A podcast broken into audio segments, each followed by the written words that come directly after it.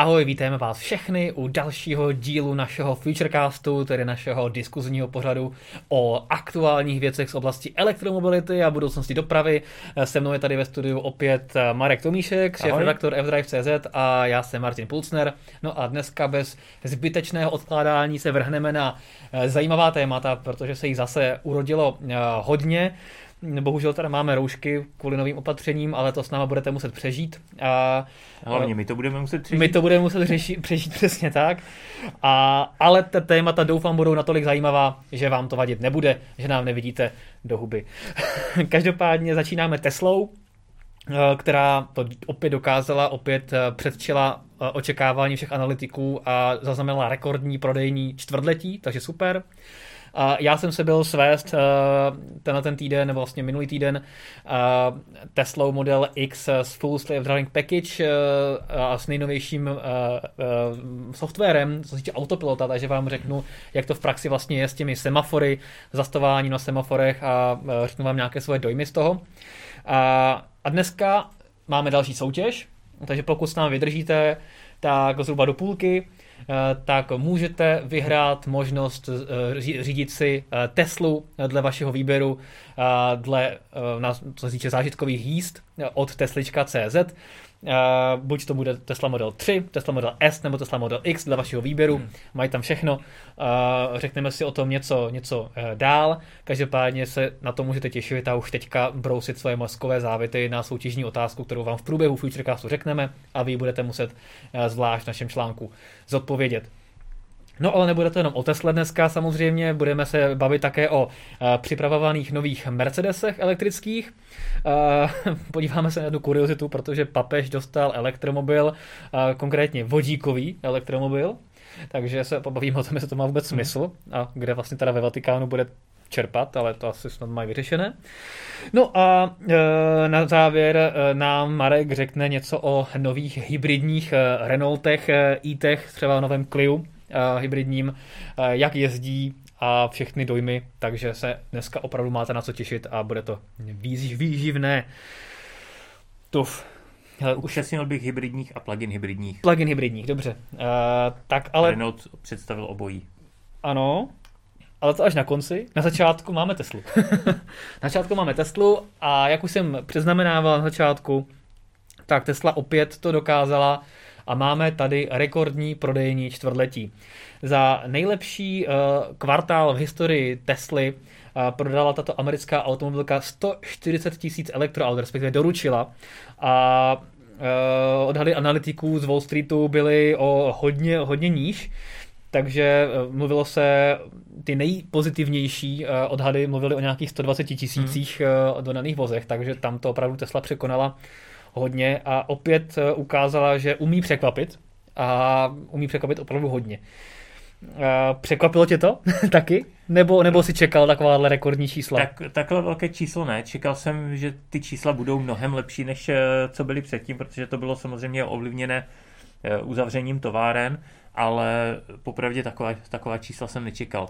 A Myslím si, že Tesla má hodně dobře nakročeno k tomu, aby dosáhla toho cíle, který vlastně před koronakrizí eh, říkal Elon Musk, že chce dodat eh, v tomhle roce 500 tisíc půl milionu aut zákazníkům. A když přišla koronakrize a eh, samozřejmě výroba zpomalila, protože se museli zavřít továrny, pak běželi v omezeném režimu kvůli opatřením hygienickým, tak to vypadalo, že se to nepodaří, ale po tomhle kvartálu věřím tomu, že ten půl milion Tesla v tomhle roce rozhodně dá. Vypadá to nadějně, to máš pravdu. A... Pokud nepřijde zase nějaké e, ještě horší opatření, ale... No, pokud by to vypadalo v továrnách e, Tesly tak jako u nás teďka v Česku, hmm. tak si myslím, že by to byl problém, ale, ale doufám, že ne. Ale všude na světě je v tomhle směru situace lepší než v Česku, takže si myslím, že... A u nás Tesla nevyrábí, takže si myslím, že by to mohla zvládnout. Je pravda, že Česko je v tomhle tom uh, druhé nejlepší na světě. Už jsme skoro best in covid, Hmm. jak říkal náš pan premiér. Tak doufám, že eh, porazíme tu Andoru a budeme opravdu best in covid. A to je jenom takové odbočení. Každopádně, co je zajímavé, nebo samozřejmě očekávatelné, tak hlavním tahounem prodejů jsou Model 3 a samozřejmě také Model Y nový, který se ale neprodává ještě eh, v Evropě. Na ten si budeme muset počkat minimálně ještě rok. Hmm. V kontextu teda tohohle je zajímavé, že už se objevily zprávy, že model Y z berlínské Gigafactory už bude používat ty nové baterie, ty nové bateriové články, které vlastně Tesla uh, představila nebo týsovala na Battery Day v září. To znamená ty dvakrát větším průměrem, uh, tím pádem větší kapacitou, lepší hustotou, uh, lepšími parametry. Hmm. Takže ty auta z Berlína budou mít ještě o poznání lepší dojezd a parametry než ty, co teďka výjíždějí vlastně z fabriky v Americe. To, to mě hodně překvapilo, protože vlastně na Battery Day eh, to vypadalo, že vlastně se to nebude až tak týkat těch eh, aktuálních modelů, s výjimkou vlastně modelu S-Plate, Hmm. který vlastně ty články taky má mít, aby mu umožnili ten výkon, který potřebuje, ale zdálo se, že ty ostatní, nebo ty současné modely jinak zůstanou trošku stranou a že to bude spíš, jak Elon Musk říkal, eh, o Cybertrucku, Semi a Roadstru. Takže mě to hodně překvapilo, nicméně eh, je to zajímavá informace, protože eh, jednak jde o dojezd, samozřejmě lepší parametry dojezdu, ale podle toho, co říkali eh, na eh, Battery Day, tak to vypadá, že by ta technologie výroby měla být celkově mnohem levnější, Mhm. mnohem eh, méně náročné na ty dražší materiály by ty, bat- eh, ty články měly mít být, takže vlastně i cena těch baterií by měla výrazně klesnout, takže se možná můžeme těšit na to, že Tesla Model Y eh, berli- berlínské Gigafactory bude i eh, cenově mnohem dostupnější než ta, co se vyrábí třeba teďka ve Fremontu. Je to tak, eh, je, možná proto se i Tesla rozhodla kvůli těm nižším nákladům nakonec eh, zvolit ty nové baterky i právě pro model Y z té Gigafactory. A otázka je, jestli to nakonec nebude týkat i modelu 3. Bylo by to logické, ale uvidíme. Když budou sjíždět z jedné továrny Hmm. A bude se tam vyrábět, budou se tam pravděpodobně v té továrně vyrábět eh, ty baterie, tak eh, by to dávalo smysl. Ale zatím, zatím zněla informace, že to bude model Y. Eh, Každopádně já si myslím, že Tesla potřebuje hlavně ten, ten model Y udělat, aby byl zajímavý pro Evropu, protože v Evropě model 3 eh, není tak zajímavý, protože to není hatchback nebo, Hmm. eh, nebo crossover. Zkrátka ty sedany v Evropě tolik nefrčí a podle mě klíčový model pro Evropu bude model Y, protože to je SUV nebo crossover a zároveň eh, by měl být cenově dostupný, takže podle mě eh, Tesla dělá maximum pro to, aby ten model Y eh, co, se co nejlíp uchytil na eh, Určitě, evropským to je, to je přesně tak, já si to myslím také. Na druhou stranu jsem hodně zvědavý, jestli se třeba nezmění i cena kvůli těm novým baterkám a jaké budou parametry. Na druhou stranu, pokud to bude nejdříve za rok eh, na trhu, tak v tuto dobu už tady budou eh, podobné auta evropské, bude tady v- v prodeji už dlouho Enyaq, bude tady ID4, bude tady a budou tady crossovery typu E2008, Moka E, všechny tyhle ty auta, DS3. A, takže otázka, do jaké míry vlastně Tesla bude mít ten svůj náskok, který vlastně, na kterém vždycky ona vydělala hodně, že vždycky doručila na trh nějaký elektromobil a byla vlastně jediná v tom segmentu. Bylo to ať už v S, Model S, Model X, teďka Model 3, vždycky ta konkurence přišla až za několik let. Na druhou stranu teďka už se ta situace obrací a než přijde na trh Model Y, tak už tady ta konkurence na tu Teslu bude čekat. Otázka, jestli si lidé spíš nekoupí uh, prostě tyhle ty evropské, evropské značky. Samozřejmě řada z nich se rozhodne pro Teslu, ale asi už to nebude mít tak jednoduché jako teďka s tou trojkou, kdy prostě není jiný model, nebo až teďka Polestar 2, ale kromě toho není vlastně konkurent pro Model 3 a kdo chce elektrický sedan a kompaktnější, no tak musí zvolit Tesla Model 3, nic jiného není. To je, to je pravda, protože právě protože tady nejsou ty sedany tak oblíbené, tak vlastně z evropských automobilek eh, se o to ani eh, ty automobilky se o to nesnaží a spíš dělají ty hatchbacky nebo crossovery. Na druhou stranu Ale- třeba EQS, který bude, to znamená luxusní elektromobil od, Škod, od Mercedesu, to se budeme o tom samozřejmě bavit, tak to bude to, ale to bude trošku jiná kategorie. To, sedany, sedany, řekněme, menší sedany tolik ne, ale samozřejmě no. v té luxusní třídě, tak tam, tam jsou pořád eh, sedany žádané. Ale, ale co se týče té konkurence, tak já, já si nemyslím, že uh, auta typu Peugeot E2008 je přímá konkurence pro Tesla Model uh, Y, protože jednak je menší, hmm. ale hlavně je to auto na standardní nebo běžné platformě pro spalovací uh, motor, což uh, Tesla Model Y není, takže přímá konkurence pro Tesla Model Y bude určitě ID4 Volkswagen, respektive Enyaq a právě proto, že tady je v těch crossoverech a SUVčkách mnohem větší konkurence, tak si myslím, že právě proto Tesla jde touhle strategií, že sem chce přijít s něčím novým, hmm. s tím náskokem a to právě, to právě podle mě budou ty, ty nové technologie, které Y dostane právě eh, na evropském trhu jako první. Souhlas, souhlas. Takže Já si myslím, myslím, že eh, Tesla zkrátka si uvědomuje to, že tady nebude první, ale, ale chce být nejlepší. Nejlepší, přesně tak. tak. A doufám, že se jí to povede a že se za rok opravdu bude moct svést v Y, který bude mít úžasný dojezd, hmm. takže uvidíme. A každopádně ještě pár čísel, jako zajímavé srovnání. Modelu 3 a Y se za tohoto čtvrtletí dodalo, uh, bylo doručeno 124 tisíc hmm. kusů, což to je opravdu hodně, hodně moc.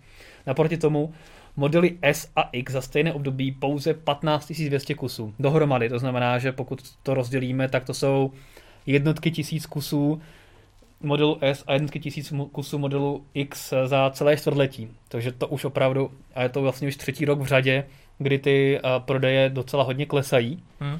A, takže vidět, že už ten zájem o tyhle ty jako luxusnější auta uh, u Tesly opadá, je to prostě i tím, že jsou starší a Tesla na ně, neříkám kašle, ale prostě už, už asi netáhnou tolik a kdo už je, kdo si je koupil, tak už je, tak už je má a možná lidé volí trošku hmm. i, už jiné alternativy. Já, já bych... A je ten rozdíl fakt jako ohromný, to je opravdu několika násobek, uh, i když třeba, když si srovnáš základní cenu modelu S uh, a performance verzi uh, Tesla Model 3, tak ten rozdíl jako není zase tak jako brutální, ani dvojnásobek třeba, takže... Já si, já si myslím, že tyhle auta cílí, cílí na úplně jinou klientelu. Neřekl bych, že Tesla na ně kašle, protože teďka vlastně eh, je relativně nový eh, model, model S Performance, ale přichází, přichází vlastně Plate, takže se snaží pořád eh, ten model S, který je vlastně nejstarší, posouvat dál, ale podle mě cílí právě na tu movitější klientelu, kteří chtějí luxusní auto s opravdu vysokým výkonem a skvělými jízdními vlastnostma, hlavně dynamikou, ale je vidět, že pro to masové rozšíření elektromobility je potřeba elektromobil, který bude lidovější, který bude dostupnější pro střední třídu a to je právě model 3, hmm. respektive model Y. No přesně tak. Takže eh, zkrátka tyhle, tyhle auta, které jsou už eh, cenově dostupnější, tak ty mají potenciál pro velké rozšíření a to je, to je vidět. Každopádně dneska vyběhla zpráva a je možné, že i Tesla si uvědomuje, že ty prodejní výsledky modelu S a X nejsou dobré a pořád klesající, tak vlastně znova snížila cenu modelu hmm. S. A teďka dneska to se stalo a bylo to o 3000 dolarů. Hmm. Takže to už není vůbec malá částka. Naposledy zlevňovala v květnu, teďka znovu vlastně snížila cenu, takže je možné, že nějakým způsobem se snaží a trošku pozbudit tu poptávku po S a X tím, že se ty ceny snižují. Na druhou stranu Tesla Model S Plate, který ale bude až za více než rok, tak cena zůstala stejná přes 130 tisíc dolarů, takže to bude nějakých těch 4,5 milionů korun, nebo kolik to bylo. Tak to je, to je auto, které určitě Tesla zlevňovat nebude a nemá důvod, protože to bude prostě unikát. Jasně. Ale e, co se týče ještě těch, těch prodejů, tak ty dřívější vyšší prodeje modelu S a modelu X byly i tím, že když chtěl někdo Teslu, tak vlastně neměl, neměl možnost na výběr, takže i kdyby mu normálně stačila trojka nebo Y, tak si prostě připlatil za S nebo X, když už chtěl ten elektromobil, tu Teslu, zatímco teďka lidi mají na výběr, takže, takže zkrátka kdo, kdo si řekne, že mu stačí ta trojka, tak uh, si koupí radši levnější trojku. Takže si myslím, že je to i o tom, že teďka už, teďka už je výběr, který předtím nebyl. No, každopádně bude hodně zajímavé sledovat, eh, jak si Tesla povede ve čtvrtém kvartálu, protože to bude samozřejmě pro ní klíčové, aby splnila ten 500 tisícový milník, který si eh, Elon Musk vytyčil. A já si osobně teda myslím, že se to Tesla povede a doufám, že se jí to povede.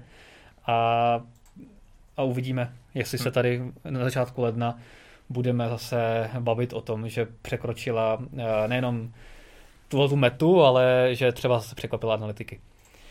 A každopádně, co je další aktuální věc ohledně Tesly, tak je autopilot. A není bez zajímavosti, že a to se vlastně stalo také dneska nebo včera. A Elon Musk se tweetoval, a řekl, že vlastně víme, že před několika týdny Elon Musk zmínil, že se chystá kompletní vlastně nová verze autopilota, kompletní přepsaný kód nebo velká část toho kóru, toho jádra toho systému a že se to má stát, nebo že to mají uvést za několika týdnů. Včera nebo dneska tweetoval v noci, že se do snad tohodle týdne nebo za, za nějaký uh, zhruba za týden, že se beta verze tohodle nového uh, autopilota dostane mezi první testery, beta testery už příští týden. A budou to lidé, kteří, ty cituji, jsou experti a opatrní řidiči. Mm. Určitě jenom v Americe a bude jich asi jenom pár ale už se můžeme těšit na to, že si někteří běžní zákazníci budou moci v beta verzi vyzkoušet právě tu novou verzi autopilota Otázka je, co bude umět, ale podle Elona Muska, jak uh, jsme sledovali jeho vyjádření, tak by to mohlo být uh, o tom, že to auto bude schopné jet z bodu A do bodu B uh, takřka bez zásahu, nejenom po těch dálnicích, hmm. tak jak to dneska funguje. Uh, na je to na autopilot a na těch městských silnicích je to takové 50 na 50, a tak tady to by to mělo být vlastně o úroveň dál. A Elon Musk stále slibuje, že by jsme, jsme se měli dočkat nějakého plně autonomního řízení relativně brzo. Takže jsem zvědavý, jestli se tohleto příští týden potvrdí a jaké budou vlastně ty nové poznatky ohledně nového autopilota. To, je, to bude jako velmi zajímavé sledovat.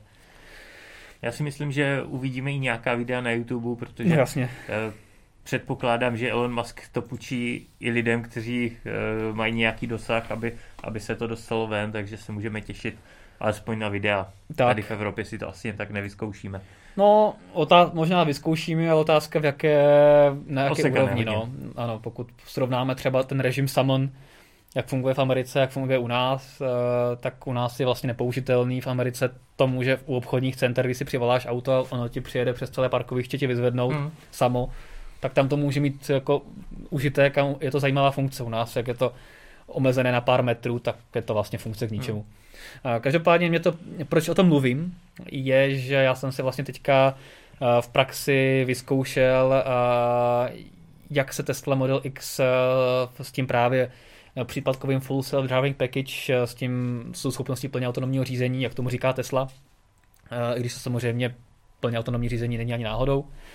Ale do budoucna. Do budoucna ano, ale bude. Ano tak jsem si vyzkoušel, jak eh, vlastně nově reaguje na ty semafory, eh, jak to celé funguje a, a opravdu musím říct, že se to posunulo hodně, eh, že opravdu třeba já jsem se hodně zaměřil na funkci Navigator Autopilot, na funkci právě rozpoznávání semaforů a navigaci podle nich a zároveň také čtení dopravních značek. Protože čtení dopravních značek to byla achilová pata Tesel, zatímco konkurence tohoto umí mnoho let, tak eh, Tesly pořád ty značky neinterpretovaly a neuměli podle nich regulovat mhm. rychlost. Mm. To konečně už teďka funguje, takže když prostě dojíždíš na nějakou rekonstrukci silnice, kde je omezená 80 třeba, tak auto samo zpomalí, konečně, to je, to je super. A funguje to dobře, ale jednou se nám teda stalo v praxi, že jsme předjížděli nákladák a Tesla přečetla 90 ve městě a místo 50 tam měla 90 protože na nákladáku vzadu byla prostě 90 v jo, na nákladáku. Na nákladáku, na, na zadních dveřích. Hmm, Takže... Tak ještě, ještě to chce trošku vyladit. To, to chce ještě vyladit, ale, ale to bylo takový kuriozní. Naštěstí jsme stáli v křižovatce, takže to nezačalo zrychlovat. Ale opravdu tam skočila ta 90, takže hmm. jsem si říkal, sakra, no tak to by to duplo na plyn a já bych koukal, co se jako děje.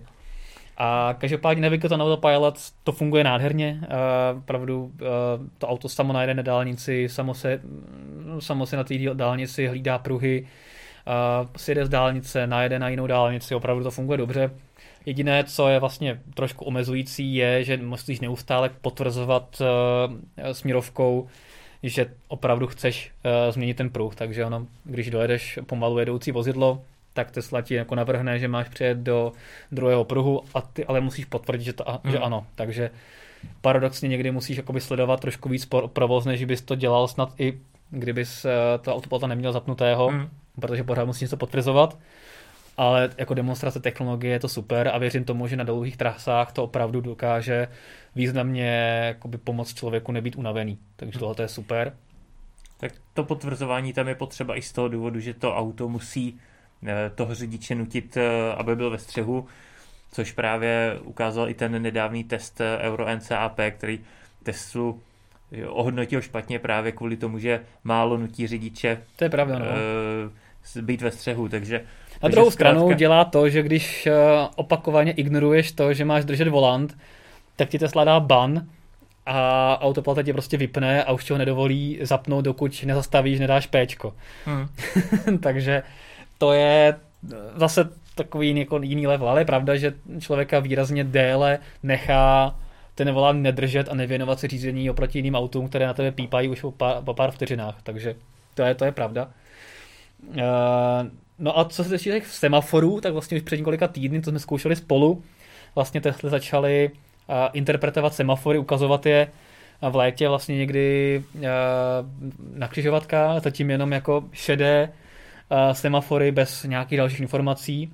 Uh, teďka nově, vlastně před týdnem a kousek, začaly Tesly uh, i rozpoznávat a interpretovat tu barvu semaforu a dokonce se podle nich začaly i chovat. To hmm. znamená, pokud máš červenou, tak Tesla už několik set metrů před tou červenou ti ukazuje na displeji, že bude zastavovat na semaforu, doká- vidí tam tu vodrovnou čáru, hmm. na, z, které zastavíš, uh, interpretuje barvu semaforu. A co mě hodně překvapilo je, že ten semafor vidí opravdu třeba 400 metrů dopředu, opravdu jako hodně dopředu, pokud samozřejmě na ní vidět je, hmm.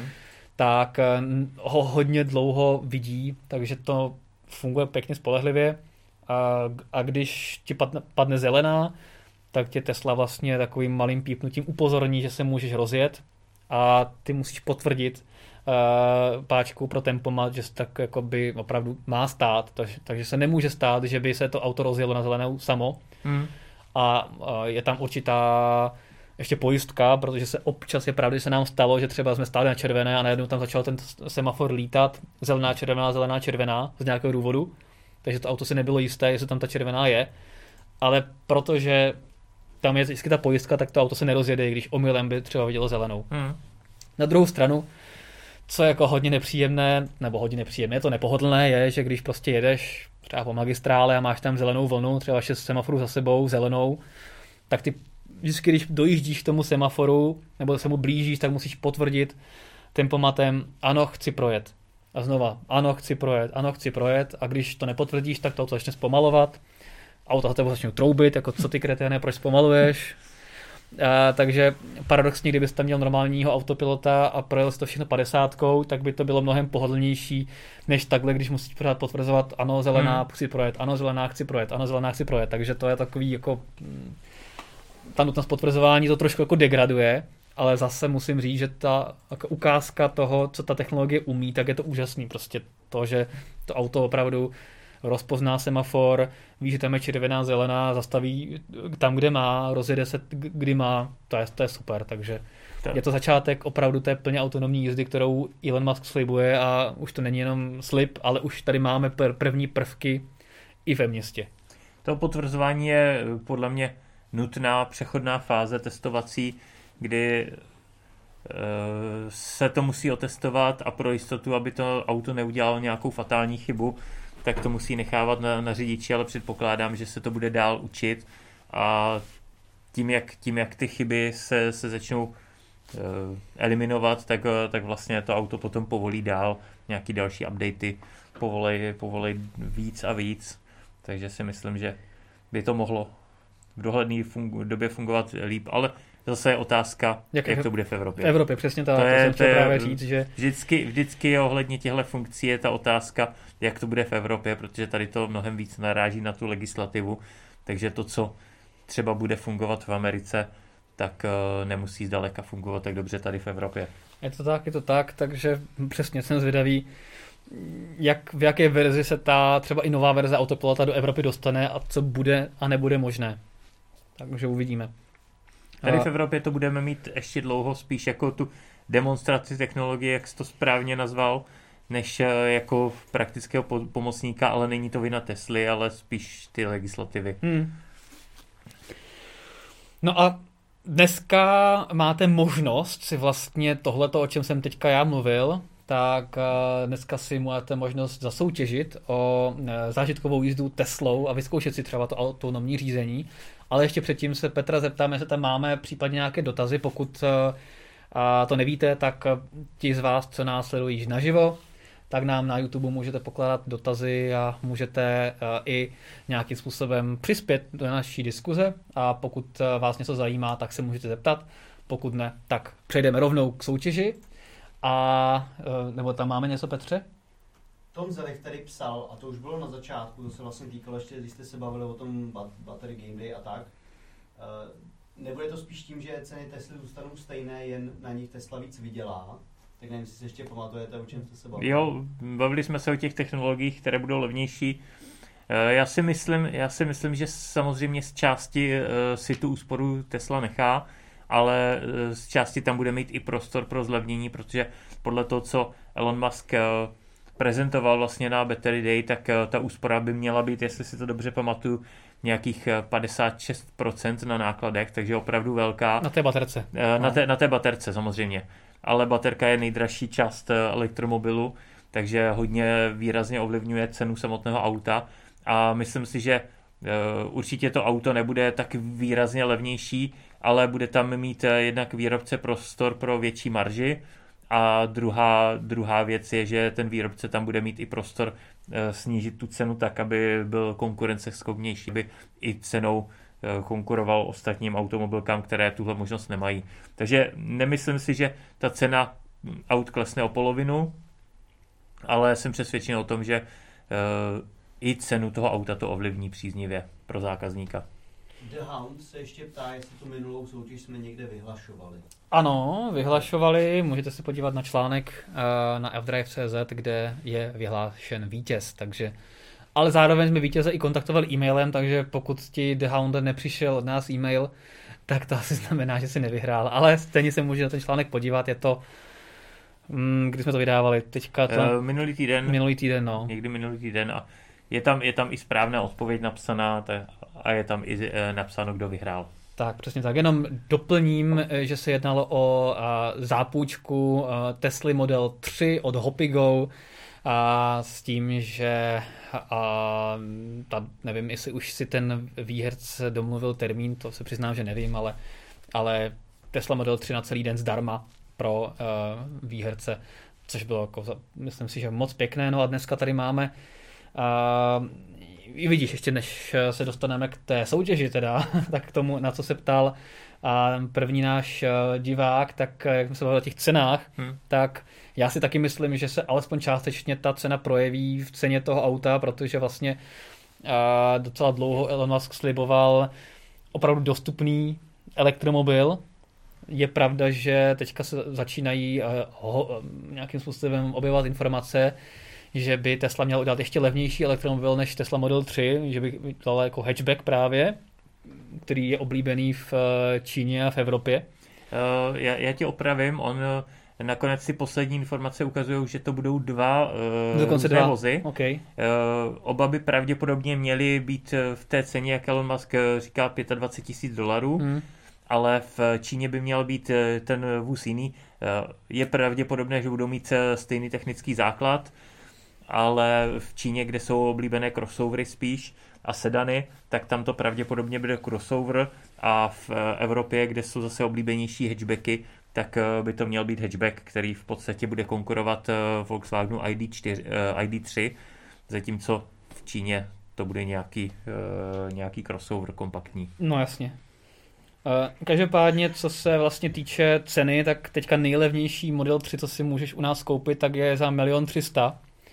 A to je ještě ten Standard Range Plus, ne ten Long Range. A, a pořád, jasně, už to není zas taková hrozná částka, ale pořád je to hodně.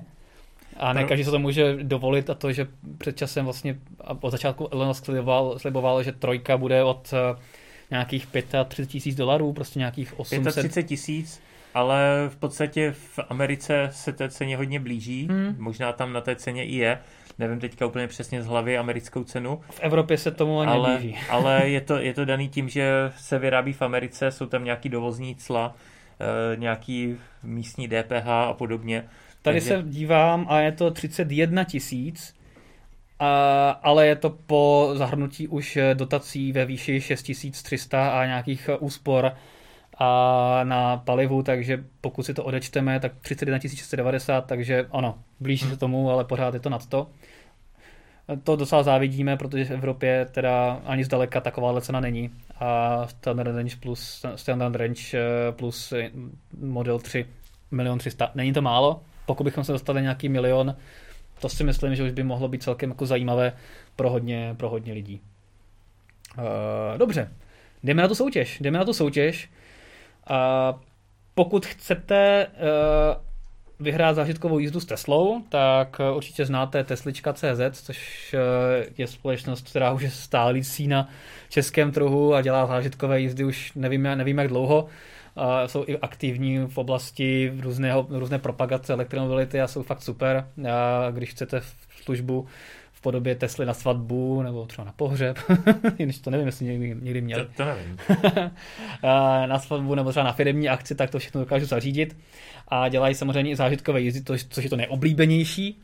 No a my pro vás máme možnost vyhrát 30-minutovou půlhodinovou zážitkovou jízdu Teslou dle vlastního výběru, kterou mají v nabídce a tu Teslu budete moci samozřejmě i sami řídit, takže si budete moci vyzkoušet právě to, co jsem dneska říkal, právě třeba to, tu schopnost autonomního řízení ve městě nebo i mimo město na dálnici a tak podobně, takže si opravdu budete moct zažít Teslu se vším všudy. K dispozici je tam Tesla Model S, X ve verzi Raven, to znamená, to je nejnovější krásné verzi, ať už ve verzi Performance nebo i Long Range. A mají tam i Tesla Model 3 Eh, performance, eh, která je samozřejmě trošku menší a se o to živější. Eh, takže pokud si chcete vyzkoušet to úžasné zrychlení, autonomní řízení a tak podobně, tak soutěžte, co musíte pro to udělat. Za chvilku řeknu soutěžní otázku a vy musíte jít na fdrive.cz, na náš web, tam najdete článek, ve kterém je formulář, do kterého napíšete svoji odpověď a nějak vaše jméno a e-mail.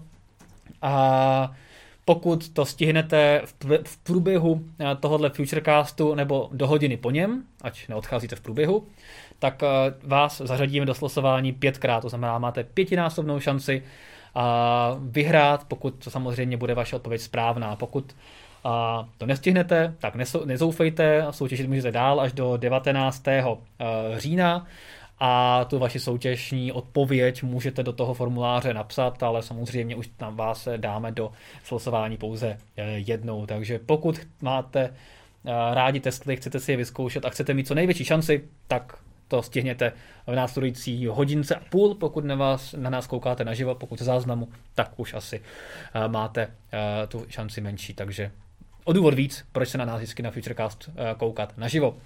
Každopádně ta soutěžní otázka je, Týká se teda Tesla Model 3 uh, eh, Performance, uh, kterou má Teslička v, ve své garáži.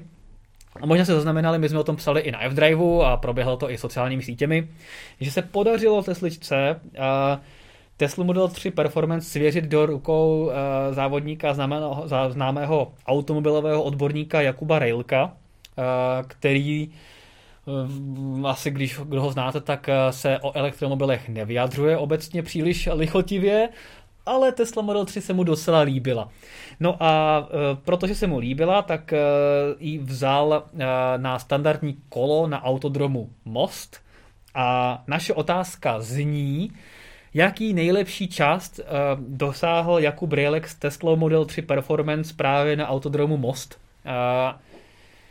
Správnou odpověď najdete v některém z našich článků, my jsme o tom už psali, najdete to i na, na stránkách Tesličky, určitě na sociálních sítích, takže stačí trošku pogooglit, trošku pohledat u nás a máte ten správný čas. Napište ho co možná nejpřesněji a potom, eh, kdo bude mít štěstí, tak eh, ho vylosujeme a budete se moci svést právě Teslou a, a dokonce i řídit. Takže to je naše soutěžní otázka. A jakou dáme toleranci? Já bych nedával toleranci. Myslíš, že to musí být na setinu přesně? A, tak když někdo dá, když někdo dá třeba... Já bych to dal na sekundu. Na, na sekundu. sekundu přesně. Dobře, tak kdo se trefí? Ty jsi na ty čtenáře moc hodný nebo diváky, ale dobře. Já jsem jako náročnější, ale dobře, tak dáme, tak dáme toleranci. Pokud se trefíte alespoň do uh, sekundy kolem toho času, tak vám to započítáme. Hmm. A, ale stejně si myslím, že to budete muset najít. No, každopádně není bez zajímavosti, že ten čas uh, té Tesla Model 3 Performance bez jakýchkoliv úprav byl velmi podobný uh, M-kovým bavorákům, uh, což je jako pěkné a Uh, to ještě Jakub Rejlek říkal, že tam byly nějaké docela velké rezervy. Jednou se uh, dostal do kačírku, hmm. uh, nějaké dvě zatáčky neprovedl úplně ideálně, takže se ten čas určitě dá ještě výrazně zlepšit. Takže uvidíme, jestli třeba za pár týdnů neuvidíme nějaký nový čas. Každopádně to byl skutečně jeden z nejlepších časů, které tam uh, sériové auta, uh, sériové auto zajelo. Takže já tady mám ještě teda otázku jednou. Ano. Od Matis Kojetina, nevím, jak to čtem. Když bude postavena nová továrna v Berlíně ano. a počítá se s prodejem více kusů v Evropě, jestli si myslíme, že bude potřeba více servisů a prodejen v České republice vybudovat? Hmm, to si nemyslím. Jako servis, Nevím, jestli bude potřeba budovat servisy, ale určitě bude asi dobré uh, zvýšit jejich kapacitu. Na druhou stranu, a to vidíme i z Norska, tak ta jako relativně tristní kvalita Tesel z minulosti se teďka velmi výrazně zlepšuje. A vlastně i známý youtuber Björn, který má Tesla Model 3, tak vlastně i sám říká, že když před několika lety jezdil do servisu s modelem X, kde byl častým návštěvníkem, tak tam bylo vždycky plno dlouhé čekací doby, opravdu jako narvané a to těch aut nejezdilo tolik. Teďka ten servis je poloprázdný, čekací doby jsou krátké, jezdí tam málo lidí s nějakými těmi akutními problémy a to těch aut je na silnicích, na silnicích diametrálně odlišný počet, výrazně víc. Hmm. Jsou tady trojky, a, kterých je strašně moc, takže je vidět, že vlastně ty, ta kvalita se natolik zvýšila, že ten tlak na servisování a to odstraňování těch much se, se snížil, tím pádem ta kapacita by mohla dostačovat. Takže ty servisní centra, nemyslím si, že by se to muselo nějak ve velkém stavět. Já si myslím, že nepůjde tak úplně o tu kapacitu, ale když tady bude i v České republice mnohem více zákazníků Tesly, tak bude spíš Eh, to o tom vybudovat eh, lepší síť eh, z hlediska místní dostupnosti, hmm. protože v současné době, když je někdo dejme tomu někde úplně z východní části republiky a musí do servisu s každou, když to řeknu blbostí, jet do Prahy, tak to není úplně ono. Takže si myslím, že by časem asi Tesla, pokud tady bude těch aut jezdit víc, tak vybude servis třeba v Brně, dejme tomu v Ostravě, aby... I v Brně, jo? Aby, aby ta republika byla víc, víc pokrytá a nemusel někdo jezdit 400 km eh, do servisu kvůli ne, to, nějaké to máš pravdu, to souhlasím, že je pravda, že, že spousta lidí samozřejmě není z Prahy a má to sem daleko, takže to určitě uvítají. Na druhou stranu si úplně nemyslím, že by bylo potřeba budovat nové prodejny jako takové. Prodej jako v podstatě Tesla funguje online a ta prodejna je pro drtivou většinu lidí pouze místo, kde si to auto převezmou a už se tam, pokud nejdou do servisu, nikdy nepodívají. Takže si myslím, že tohoto úplně není potřeba a Tesla to má hodně zvládnuté, ale přesně jak říkáš ty, tak bude asi dobré vybudovat tu servisní síť někde v blízkosti bydlišť eh, těch lidí a vzhledem k tomu, že Tesla Model 3 se i u nás prodává docela hodně, jsou to, ty děláš si statistiky prodejů, ale jsou to jako desítky kusů měsíčně, desítky, no někdy, někdy se dostávají přes, přes to kusů. Což jako hodně a já sám, co jezdím po republice, tak Tesla Model 3 prostě vydávám a je to super, že jsou vidět. Takže je pravda, že ty servisy by to asi chtělo. Krásně to bylo vidět na tom eh, srazu, eh, který vlastně byl za účelem rekordu v Pelřimově, jo, ano. Kde, kde vlastně bylo, myslím, že pět kusů modelu X, šest kusů modelu S a zbytek z těch a teďka z hlavy nevím, nevím to číslo, musel bych si to najít. 50 nebo něco Ale takového, bylo to, no. bylo to nějakých 48 kusů, jestli se nepletu, teď jsem si vzpomněl, tak eh, zbytek byly modely 3. Takže na tom je krásně vidět ten poměr, poměr aut, eh, kolik vlastně přibývá těch eh, modelů 3, přestože to je nejmladší model a nejmí, nejmenší dobu se prodává. To je, Tak jo, tak to byla naše soutěž, to byla Tesla. Doufám, že jsme i zodpověděli dotaz eh, našemu divákovi, jehož jméno neumím vyslovit. a, a Petr taky ne, ale doufám, že ho to uspokojilo. A pojďme na další téma, velmi rychlé a velmi kuriózní je, takhle divnou to, to jsem nikdy neviděl, ale papež František od někoho, uh, někdo, od koho byste úplně neočekávali, že by šel moc, jako moc dobou, tak dokonce tu dobu předběhl, protože zatímco my se tady bavíme o a bateriových elektromobilech a v Česku nemáme jedinou plnící stanici na vodík, tak papež začal jezdit dneska vodíkovým elektromobilem Toyota Mirai, což je nový papamobil. To mi přijde jako úplně jako zpráva z jiného světa, ale je to tak, je to tak a slibuje dojezd 500 kilometrů a nevím teda, kde to budou plnit. Jestli teda Já jsem se nedíval na uh, plnící stanice, ale nemyslím si, že ve Vatikánu přímo bude. Naštěstí Vatikán je poměrně malý a eh, okolo je Itálie a mohl by tam nějakou plnící stanici v dosahu těch 500 km mít, ale uh, popravdě nedíval jsem se, takže, takže netuším. Uh, no, já jsem, já se tady zkouším podívat, jestli tady uh, mám uh, aplikaci na vyhledávání uh, nabíjecích nebo spíš plnicích stanic uh, H- H2 Live, uh, která by mi řekla, jestli tam nějaká ta stanice je, a, ale nechci mi to tady, nemám mít, ale už, už ji mám. Každopádně, každopádně vlastně eh, Toyota Mirai nebo res, eh, obecně auta s palivovým článkem jsou de facto elektromobily, kde, eh, které jsou poháněné elektromotorem a ten rozdíl oproti klasickému elektromobilu je, že ta energie není uložená v baterii, eh, mají většinou jenom malé, malou baterii ty eh, vozy s palivovým článkem, ale ta energie je uložená v tom palivovém článku ve formě vodíku Přesně tak. a v tom, eh, v tom autě vlastně se chemickou reakcí z ní stává elektrická energie. Takže je to de facto taky elektromobil a když se na to podíváme z tohle pohledu, tak eh, pro ten Vatikán, kde pravděpodobně ta plnící stanice nebude, by určitě byla praktičtější klasický elektromobil, protože zásuvky budou mít určitě i ve Vatikánu. Podíváme se na to na televizi, já to zkusím teda nazdílet. Eh, Já tady mám Start Now a zkusím tady se podívat eh, na tady aplikaci. Takže tady máme Prahu, vidíme, že tady nic není. Ano, Bude snad do konce roku a měla by být otevřena u čerpací stanice benzina na Barandově. Benzina na Barandově, psali jsme o tom taky. A do budoucna potom další přibyde v Litvínově, v Brně a v Plzni, myslím, že se plánují, takže takže už jsou, už jsou konečně v plánu první stanice, i když o té benzině na Barandově už se mluví eh, možná skoro dva roky o ní slýchám a jak jezdím okolo, tak se vždycky dívám, jestli už se tam náhodou nezačíná něco dít.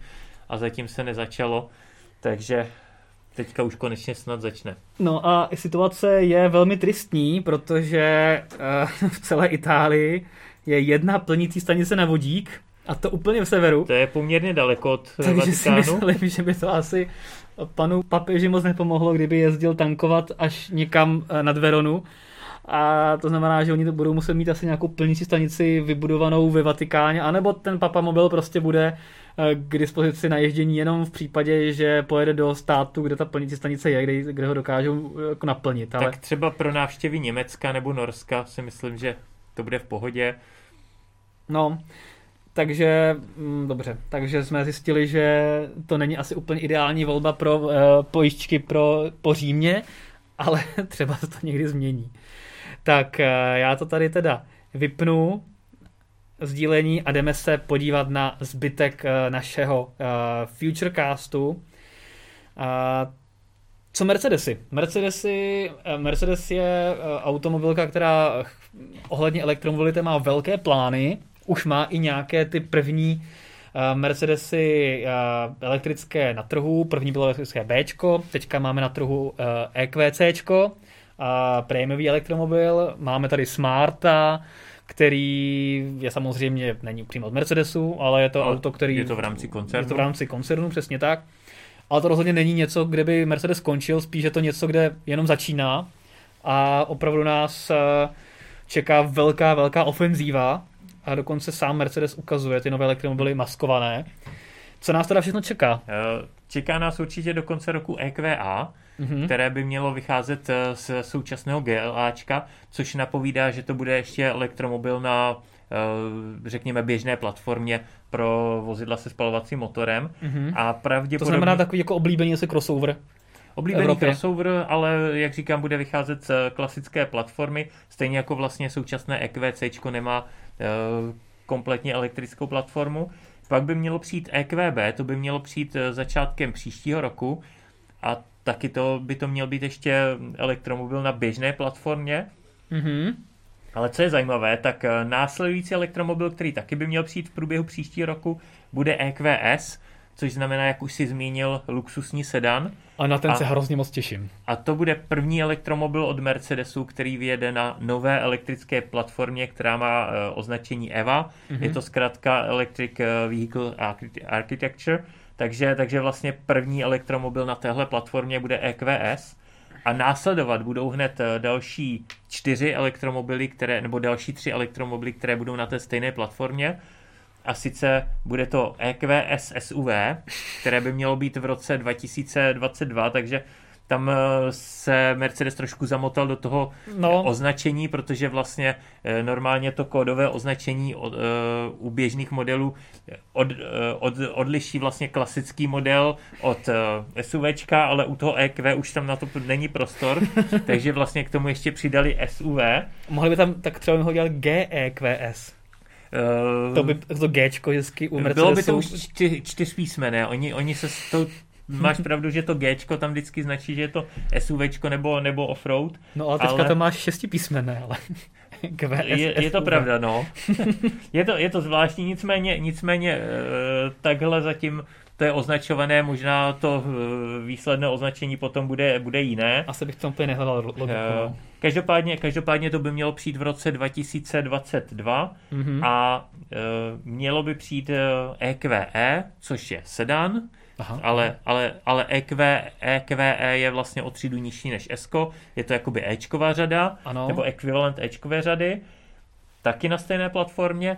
A když už jsme u toho SUVčka, po něm by mělo přijít E EQE SUV, které bude, SUV. které bude vlastně SUVčko mezi, mezi EQCčkem a EQSkem. Kontrolní otázka, proč se ale EQA nebo EQB nemenují E EQA SUV, EQB SUV a hlavně E EQC SUV, když je to Eh, SUV. Protože podle mě v té, v té řadě asi Mercedes neplánuje mít nic jiného než crossover, Hmm. akorát v těch dvou jakoby nejvyšších eh, třídách. Nikdy kde- neříkej nikdy. Pak s tím budou mít problém. Možná, možná to budou muset přejmenovat, anebo udělají EQA hatchback třeba, nebo E EQB. Ježišmarja. No, No, ne, nebudeme se do toho zamotávat, každopádně, každopádně teda na, na té nové platformě má být EQE a EQS Mhm. a obě, obě budou mít i variantu e, SUVčka. E, nicméně to není jediná platforma, kterou Mercedes připravuje pro elektromobily. E, připravuje i druhou e, elektrickou platformu MMA, e, Modular, e, teď jsem, teď jsem zapomněl, se to MMA to je ten boxovací zápas, ne? Ten... Jo, Ta ano, série. ano. Tady, tady to nese eh, elektrická platforma a ta bude určená pro menší vozy s Mhm. trojící hvězdou a měla by přijít v roce 2025, takže pravděpodobně eh, druhé generace těch malých eh, elektromobilů nebo menších elektromobilů, které teďka vychází ještě z klasické platformy, pravděpodobně dostanou tu novou platformu a dá se předpokládat, že i nějaké další menší modely Hmm. které třeba Mercedes eh, připravuje, tak eh, vyjedou na téhle nové platformě.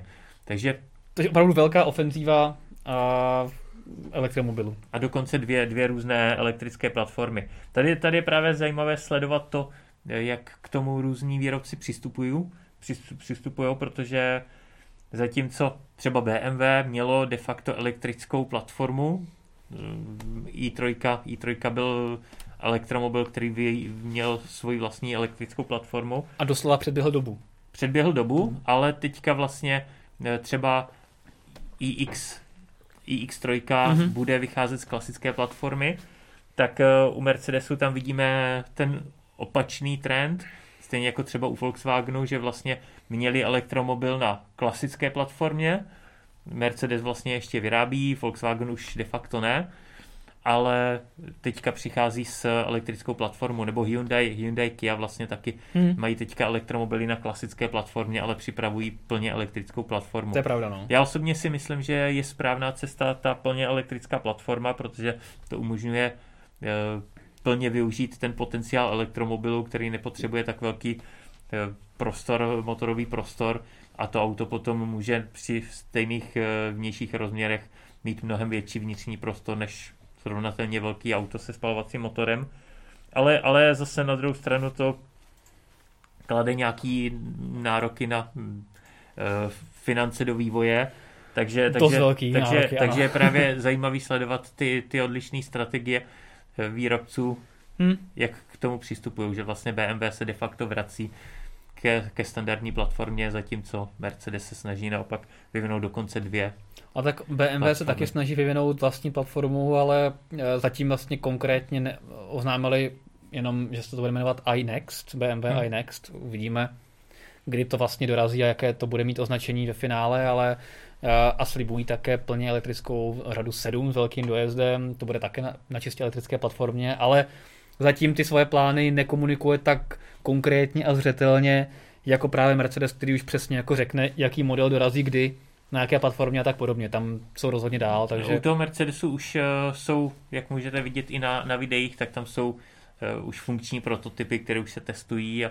v podstatě podle mě to třeba to EQS už se dolaďují poslední detaily. Hmm. Takže, takže tam vlastně ty auta, ty auta už fyzicky jezdí. U toho BMW je to škoda, protože, jak jsme říkali, i3 předběhla svoji dobu, bylo to a v pořád je to super auto do města. Hmm karbonová karoserie, lehké auto, opravdu výborně udělané, zábavné. A pak se vedení rozhodlo, že elektromobilita není cesta, BMW vlastně zaspalo dobu až teďka to bude muset dohánět. No. Je, to, je to opravdu velká škoda. Kdyby se jim už tehdy podařilo na i3 navázat, tak tady může být BMW v pozici, jako je dneska Tesla a ostatní výrobci by ji doháněli. Mělo by, by ho doháněli. Teďka je to naopak, BMW dohání ty ostatní. Hmm. Pojďme na poslední téma. Uh, Renault a jeho hybridní a, jak se správně říkal, plug-in hybridní auta. Uh, ty jsi měl teďka možnost na akci vyzkoušet nové Clio, e-tech? Uh, vyzkoušel jsem si nejen Clio, ale vlastně i plug-in hybridního Megana. Uh, to Clio je uh, hybrid, klasický hybrid, takže bez, bez, bez externího nabíjení, zatímco Megan a Captur mají externí nabíjení, jsou to plug-in hybridy. Tam je zajímavé to, že ten hybridní systém je hodně podobný, vlastně technicky, technicky v podstatě stejný eh, u toho plug-in hybridu i základního hybridu. Mm-hmm. Liší se tím, že ten eh, plug-in hybrid má větší baterii, nějakých necelých 10 kWh mm. kapacitu, zatímco základní hybrid je, má, má jenom 1,2 kWh, mm-hmm. ale jinak mají oba 1.6 eh, atmosférický motor, oba mají stejnou převodovku, což je vlastně unikátní systém, já jsem na to byl hodně zvědavý, kdy vlastně Renault tam má 6 stupňovou převodovku, která ale má 2 stupně pro elektromotor a 4 stupně pro spalovací motor. Aha. A vlastně touhle převodovkou kombinuje, kombinuje vlastně ty dva pohony a Renault říká, že je to řešení, které je velice jednoduché, efektivní a díky té jedno, jednoduchosti by mělo být i eh, takřka bezporuchové nebo hodně spolehlivé, mm-hmm. což eh, se samozřejmě ukáže, ukáže až časem, ale co se týče jízdy, tak eh, to fungovalo velice pěkně a zejména jsem si to mohl vyzkoušet na tom Clio, kterým jsem jel prakticky ve všech režimech, ať to byly okresky, ucpané město až po dálnici, a velice příjemně mě překvapilo, že i ten základní hybrid dokáže v podstatě 90 km rychlostí jet eh, čistě na elektřinu, když má dostatek energie v baterii. Takže eh, byl jsem z toho příjemně překvapený a v podstatě kombinovaný okruh, eh, kde bylo i poměrně velký podíl, řekněme zhruba třetina dálnice, třetina ucpané město, tak jsem jel ze nějaké rovné 4 litry na 100 km, mm-hmm. což, což je velice pěkný výsledek. No já jsem si přečetl, že jsi měl dokonce, že jsi dokonce zahámbil instruktora, že jsi byl lepší než Eh, instruktor. eh, Je to tak, já jsem... já, Ty to jsem nepřiznáš, ale já to musím říct eh, divákům, že, že jsi předčil instruktora. já jsem si s tím trošku hrál a zvolil jsem jinou strategii než, než on. On nám to hlásil do vysílačky, takže jsem se dostal s tou spotřebou trošku níž, ale zase musím říct to, že on se musel soustředit na to, co nám říká do té vysílačky, takže ta, ta jeho pozornost byla trošku roztříštěná, já jsem si Jo, tam jo, s tím, jo.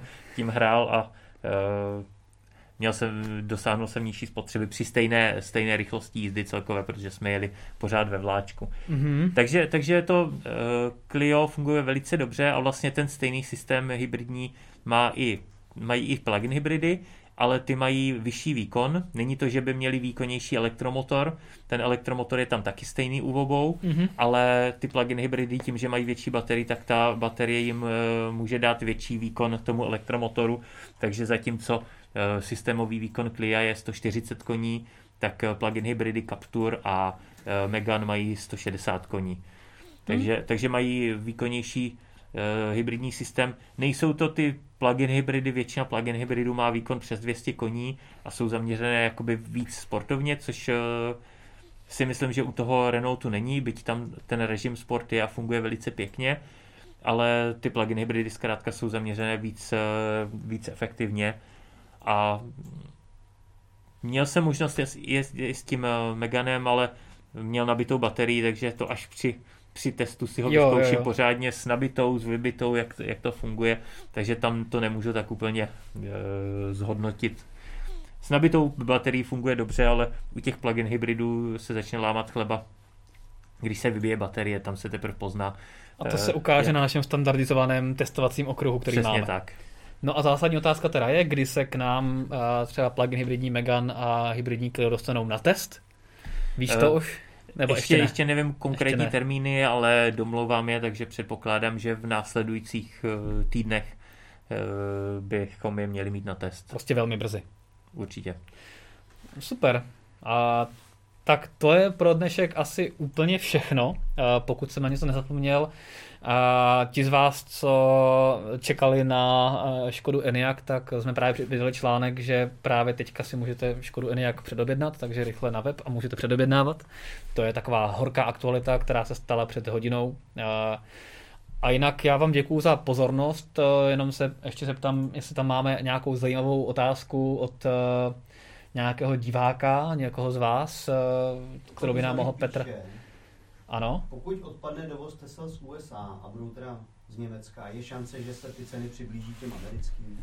Určitě, Určitě, určitě, jo. je, protože, eh, jak jsem zmiňoval, ta, ten rozdíl ceny eh, třeba modelu 3 v Americe i a v Evropě je daný i tím dovozním clem, takže v momentě, kdy se to bude vyrábět v Evropské unii, tak eh, třeba tenhle, tenhle náklad odpadne, samozřejmě tam odpadne i náklad na, na ten transport, takže už, už jenom tím by se ty ceny měly přiblížit a zároveň, jak jsme zmiňovali, eh, se bude v Berlíně používat nová technologie, která by také měla snížit náklady na výroby baterie. Takže ty ceny by měly být určitě příznivější. Souhlasím, souhlasím a já jsem jenom zvědavý na to, jak nízké budou. Jan Malek se ještě ptá, jestli si Enyaq může on jako normální zájemce někde prohlídnout naživo. No, um, byl, byl v muzeu Škoda, ale tam tuším byl jenom do konce září. Byl v muzeu. Škoda a ten kus, který byl v muzeu Škoda, tak potom Škodovka vzala a uh, to jste si mohli podívat i u nás na videu uh, u příležitosti otevření nové uh, nabíjecí stanice Ionity u Prahy, tak ho právě přivezla tam a popravdě nevím, jestli se tam vrátil do, do Mladé Boleslavy, do muzea nebo ne, ale minimálně, když se tam zavoláte, tak, uh, tak vám to řeknou. Nevím upřímně, jestli se tam vrátil nebo ne, nebo jestli ho Škodovka už používá na další akce, ale bylo by to fajn, kdyby, se tam, kdyby tam byl vidění. Uh, a jinak, jinak občas eh, Škodovka teďka jezdí, dělá různé prezentace, teďka vím, že byl v Ostravě před pár snad týdny, před týdnem dvěma, Na, ne, na Technické univerzitě. Technické univerzitě, takže občas někde k vidění je, sledujte možná FDrive.cz, sledujte eh, stránky Škodovky na Facebooku a oni možná tam budou eh, i sdílet, kde se na Eniaka můžete, můžete podívat. My osobně bohužel eh, se na Eniaka, teďka jsme se teda podívali na Ionity, můžete se podívat na videa, já jsem udělal nabíjecí křivku Eniaka a zároveň jsem prolezl podrobně interiér, takže se můžete podívat na to, jak to auto vypadá v reálu zevnitř a jak je dobře zpracovaný interiér. Byl jsem z toho mile, mile překvapen mimochodem. Ale testovací jízdy budou až na přelomu roku, kam bychom měli být pozváni, takže eh, ještě chvilku potrvá, než si budeme moci Eniak vyzkoušet v reálných podmínkách, v reálném provozu, takže zatím jenom staticky a stejně jako vy. ono s tím prohlídnutím to taky bude teďka složitější. Podle mě Škodovka byla, eh, měla v plánu ho ukázat právě na různých výstavách, ale vzhledem ke covid situaci se všechno zrušilo takže si myslím, že nebude moc příležitostí se k němu dostat fyzicky. Já mám potvrzeno, že pořád eh, e-salon, eh, což je ten největší veletrh ohledně elektromobilů v Praze, tak by se měl v půlce listopadu konat, stále s tím počítají, včera jsem to ověřoval, ale otázka, jestli ve finále bude nebo nebude. Jedna, jedna věc je, s čím počítají pořadatelé, druhá věc je, s čím počítá pan Primula. Ano, takže, přesně eh, tak. Takže... Si myslím, že pokud prodlouží současná opatření, tak samozřejmě musí i e-salon zrušit, ale doufejme, že ta vlna přejde a... Že nebudeme a... bez in COVID jak jsme, jak jsme začínali. Každopádně pokud e-salon bude, a zatím se počítá s tím, že bude uprostřed listopadu, nezrušili to, tak tam ENIAC by k vidění být měl a F-Drive by tam měl mít zase svůj stánek, stejně jako každý rok, takže nás můžete navštívit a zároveň se podívat na ENIACa. Takže doufejte, že nám to pan Primova nezakáže. Ještě nějaké dotazy? už žádné dotazy zajímavé, tak vám děkujeme za pozornost. Budeme rádi, pokud se vám Futurecast a další naše videa líbí, a pokud nám dáte odběr na, na YouTube a dáte si notifikace, aby vám žádné nové zajímavé video ohledně elektromobilu a budoucnosti dopravy neuniklo.